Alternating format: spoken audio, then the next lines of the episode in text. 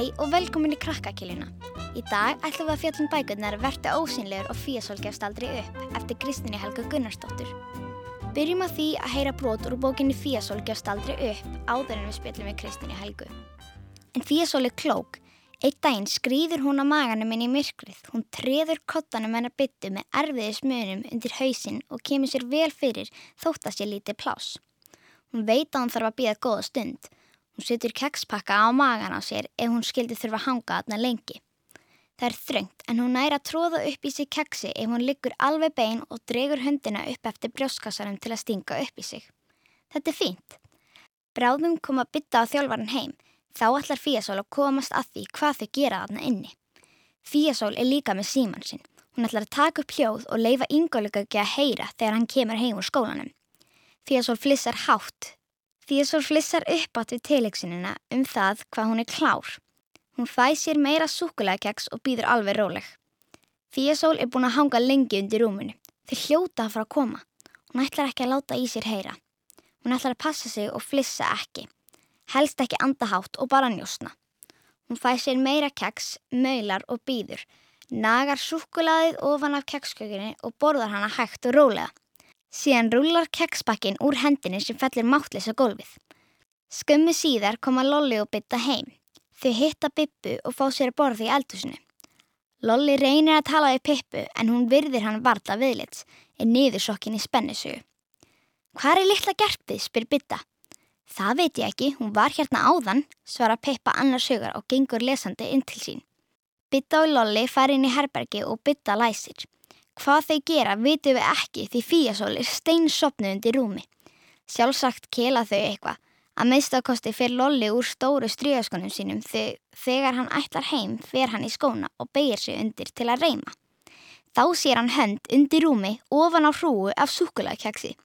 Hann beigir sig betur nýður og sér svartan og ofin hállupa, kveikir á vasaljásin á símanum sínum og lýsir undir rúmið. Þá sér hann steinsofandi fjesið á Fíasól. Sjáðu, kvíslar hann að byttu, komdu og kýktinga undir. Bytta beigir sig, lítur undir rúm og sér sýstu sína sofandi og að því að hún er úlingur og úlingar eða stundum svo erfitt með að stjórna skapi sínu, þá öskrar hún um leið og hún grýpir í súkulega klistrað á hendin á Fíasól og dregur hann undir rúmunu. Littla svíni, gargar hann upp yfir sig. Fíasól vaknar við að hún flýgur fram á gólfið. Fjalla um tvær bækur, hins vegar hana Vertu ósynlegur og Fíasól gefst aldrei upp. Og hingaði komin um, Kristín Helga. Velkomin Kristín Helga. Takk fyrir. Um hvað fjalla bækurnar í stuttum máli og hvað er það sami einlegt? Já, stórti spurt. Sko, ætlum við byrjum ekki á Vertu ósynlegur og ég skrifa hana svolítið fyrir alla. Þannig að, að einhvern veginn við getum uh, deilt því sem er að gerast og tala um það. Og mér fannst vanta svolítið uh, verkfæri, það er náttúrulega til, til alls konar verkfæri og alls konar bókmyndir um flótafólk en, en kannski ekki margir sem að koma hingað og flytjast hingað. En um leið erum við að taka á móti fólki, ekki nóg mörgum en við erum að taka á móti flótafólki sem kemur hingað, byrjar að vinna við hliðina okkur, sérsta skólabekk með okkur og er með lífsreynslu sem að við getum ekki byrja að ímynda okkur hvernig er. Og hugsa með mér án þess að við spyrjum erfiðu spurningana þessa samborgar okkar sem eru með svona erfiða lífsreynslu þá er svolítið gott að, að, að skrifa um ferðalegið, flóttan og, og hérna, þannig að við getum sett okkur í spór þessa fólks sem að kemur hinga þessa löngu leið og þarf að flýja heimili sín án þess að spurja að við vitum og getum sett okkur í spór og ég held að það sé svolítið bækur snóst svolítið um það finnst mér og sögur að við getum sett okkur í spór sögupersonuna og, um, og hvers annars. Og um leið og getum sett okkur í spór hvers annars þá skiljum við betur og, og, og öðlumst meira umbröðalindi og vísinni og þá kannski eikst kærleikurinn á millokkar. Þannig að, að setja sér í spór var kannski markmiði með flóttasögunni og þá sko ákvæði ég að skoða sérstaklega þessa krakka sem að fara að leggja á flóta. Ég held að séu um 80 miljónir manna á flóta í heiminum í dag sem að eru bara á ferðinni að þeir get ekki verið heima hjá sér og, og hérna næstum helmingur af því fólki eru börn og þeir teljast börn sem eru yngri en 18 ára og, og mjög margir ungir strákar, úlingstrengir eru einir á ferð. Það er sjálfgefara að stúlkur séu einir á ferð en það er mjög mikið úlingstrengjum sem eru einir á ferð í heiminum bara að leita sér að framtíð og frið. Og mér langaði að elda eitt svona strák og ég komst mjög fljóðlega því að ég gæti ekki skrökva neini að skálda nokkuð skapan hlut. Það hefði verið vannvering við þetta fólk sem er búið að lenda í þessu. Þannig ég ákvað, ég ætla að skálda alla personur en allt sem gerist í bókinni, nánast neyri hvert minnsta smátri, hefur komið fyrir einhvern á einhvern hátt í þessu ferli öllu. Og ég einbeti mér að Sýrlandsstríðinu, það er orðið tíu ára gammalt. Það eru, það eru einhverjar 6 miljónir sýrlendinga á flótta, þeir búa flestir í flóttamannabúðum í kringum Sýrland, í hinnum löndunum í kring. Og Ismail sem ég bý til, hann leggur að stað með afa sínum frá Aleppo. Mm. og ég fylgja honum alveg til Íslands. Já, og, og þetta fjallar um auðvitað mannréttindi, ekki bara réttindi barna heldur allra.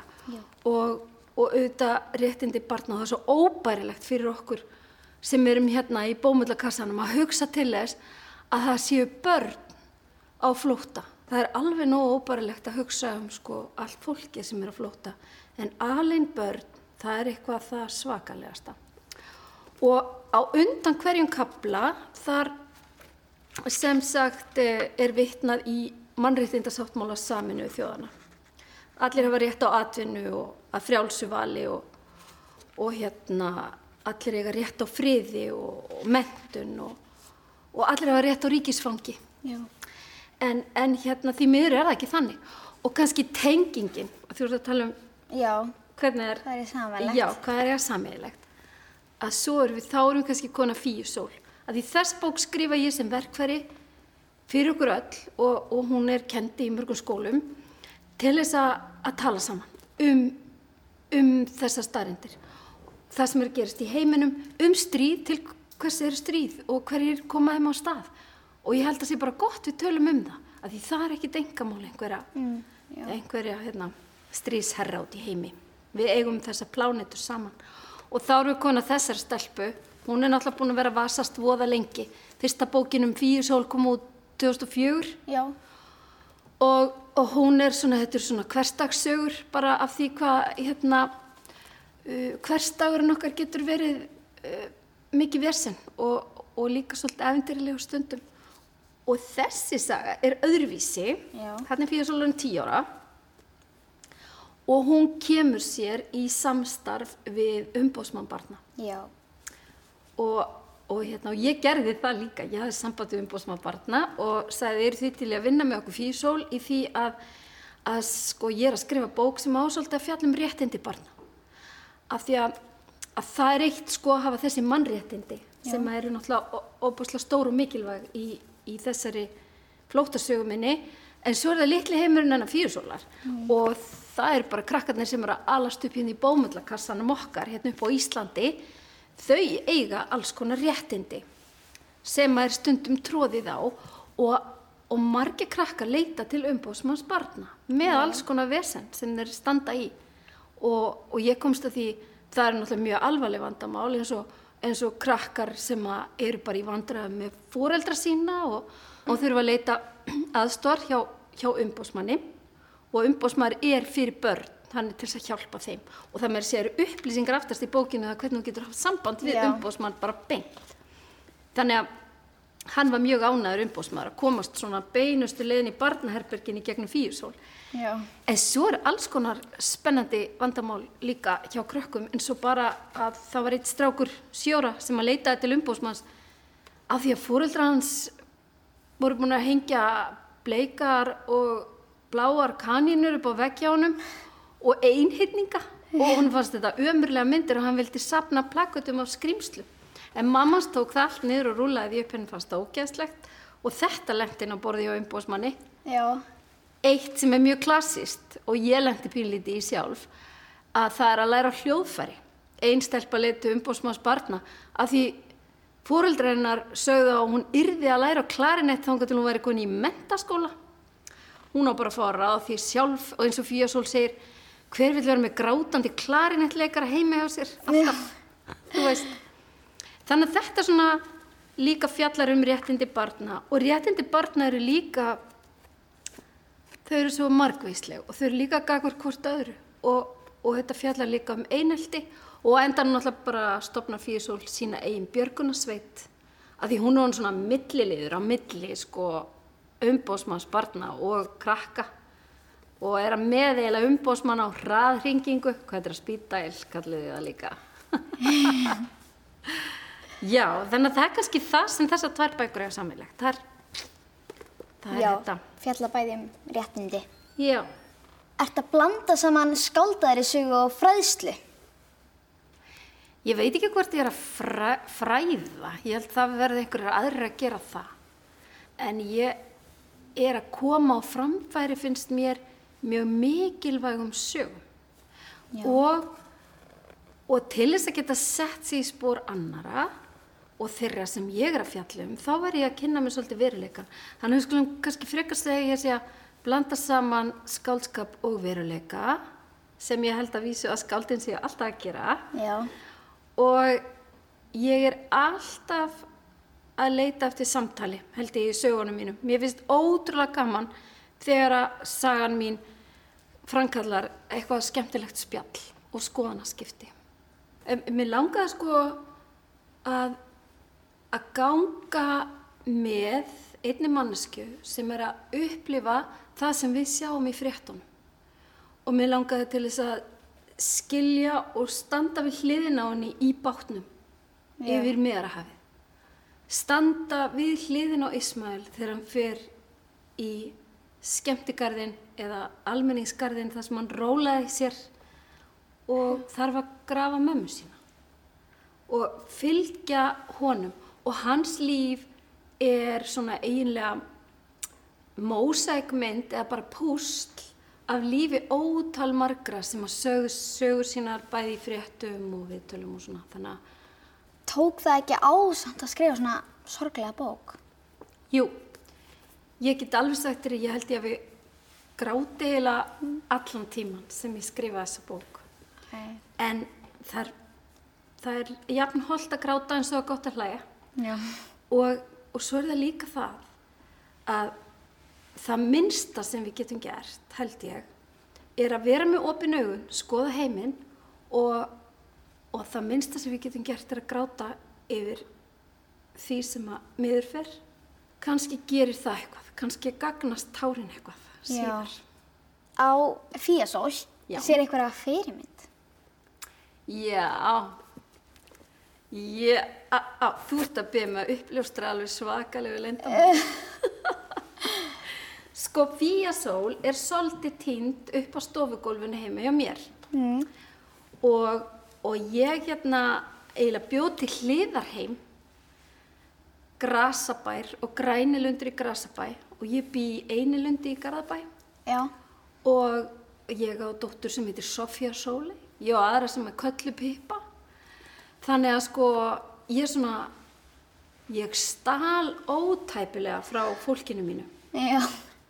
og svo bætti ég í stílinn og fór á flug og tók sögurnar í aðrar áttir og, en ég bjóð til svolítið hliðarheim út úr svona því sem að var að gerast í kringum mig. Já, nákvæmlega. En er þá Pippa, er hún svona eins, dóttir þín, eins og karakterinn í bókinni, pínu, eða? Já, svona bókaormur og Já. já, já. hún, hún er vísu orðin fullorinn og, en hún er sko alveg mikill bókaormur og steinasafnari og hún var alltaf og hún náði náttúrulega þessum tökum á þessari ótrúlegu tækni að ganga lesandi og borða lesandi og gera eiginlega allt lesandi nema hún kann ekki hjóla lesandi eins og Pippa í bókin Já, nákvæmlega. En hvað eru bækurnar um Fíus og margar? Þær eru orðnar sjö með Fíasól og Furðursaga sem fjallar um fæðingun hennar og er í bundnumáli og kom út núna í jólinn. Já, ég verði að lesa hana. Já. Skemmtilegt. En af hverju fjalla sögurnar í þessum bók, eða nei, í þessar bók, um umbóðsmann barna? Já, sko ég nefnilega, það, það var það sem að mér fannst líka áhugavert, sko, var þegar ég fór að hugsa um réttindi barna Já. og ætlaði að láta Fíusól svona taka á því. Fíusól er líka bara mjög sterk hvern persóna og, og fer sína eigin leiðir og, og, leysir sín mál og, og mér langaði svolítið til þess að hún, hún, já nú var ég eiginlega að segja ykkur líka annað lindamál. sko, einu sinni þá var stelpan mín að vinna uh, sumarlangt við skórekt og hún kemur heim og hún á fullt af peningum eftir sumarið.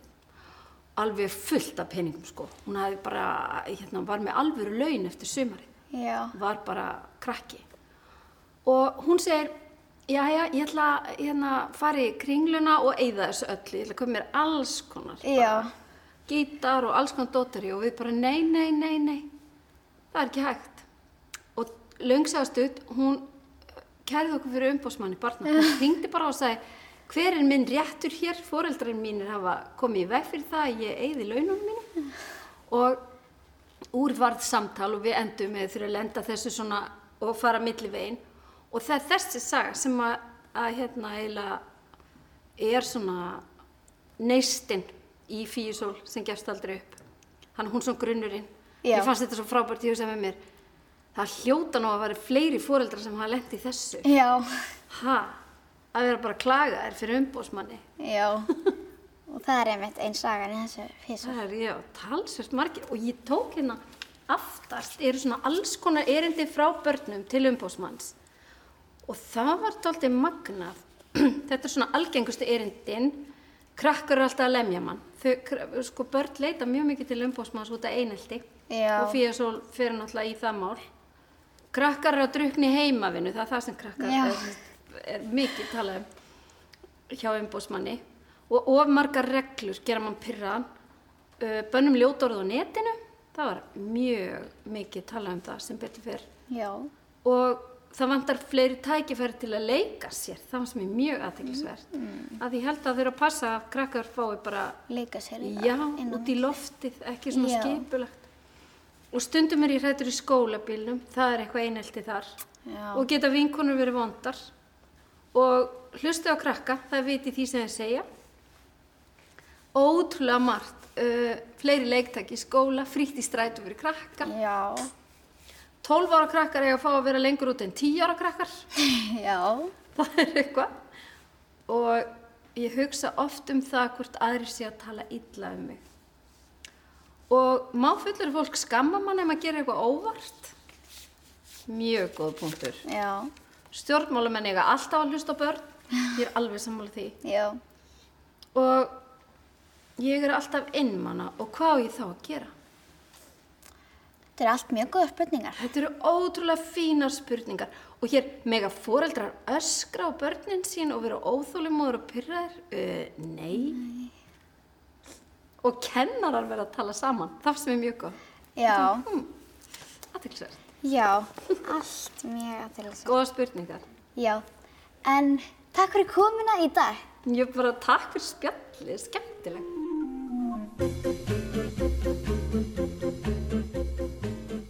Barnabókahöfundurinn Astrid Lindgren fættist í Svíþjóð árið 1907 og ólst upp í bænum Vimmerby. Hún skrifaði margar bækur og ein af fyrstu bókunum hennar voru sögurnar um fjörkálfin Línu Langsokk sem allir þekkja.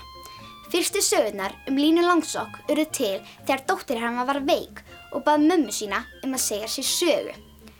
Þá sagði hún dóttur sinni sögur af henni sjálfstæðu, hurökku og einstöku Línu Langsokk sem gatt allt. Astrid Lindgren skrifaði líka sögur um hinn uppáttækjasama Emil í Kattholti og ævintýri hans.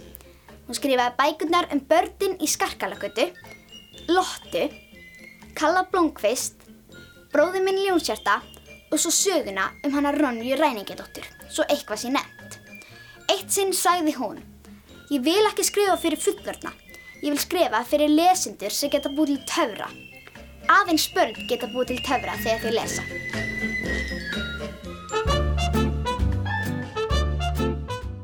Fyrir að hlusta. Við verðum hér aftur í næstu viku.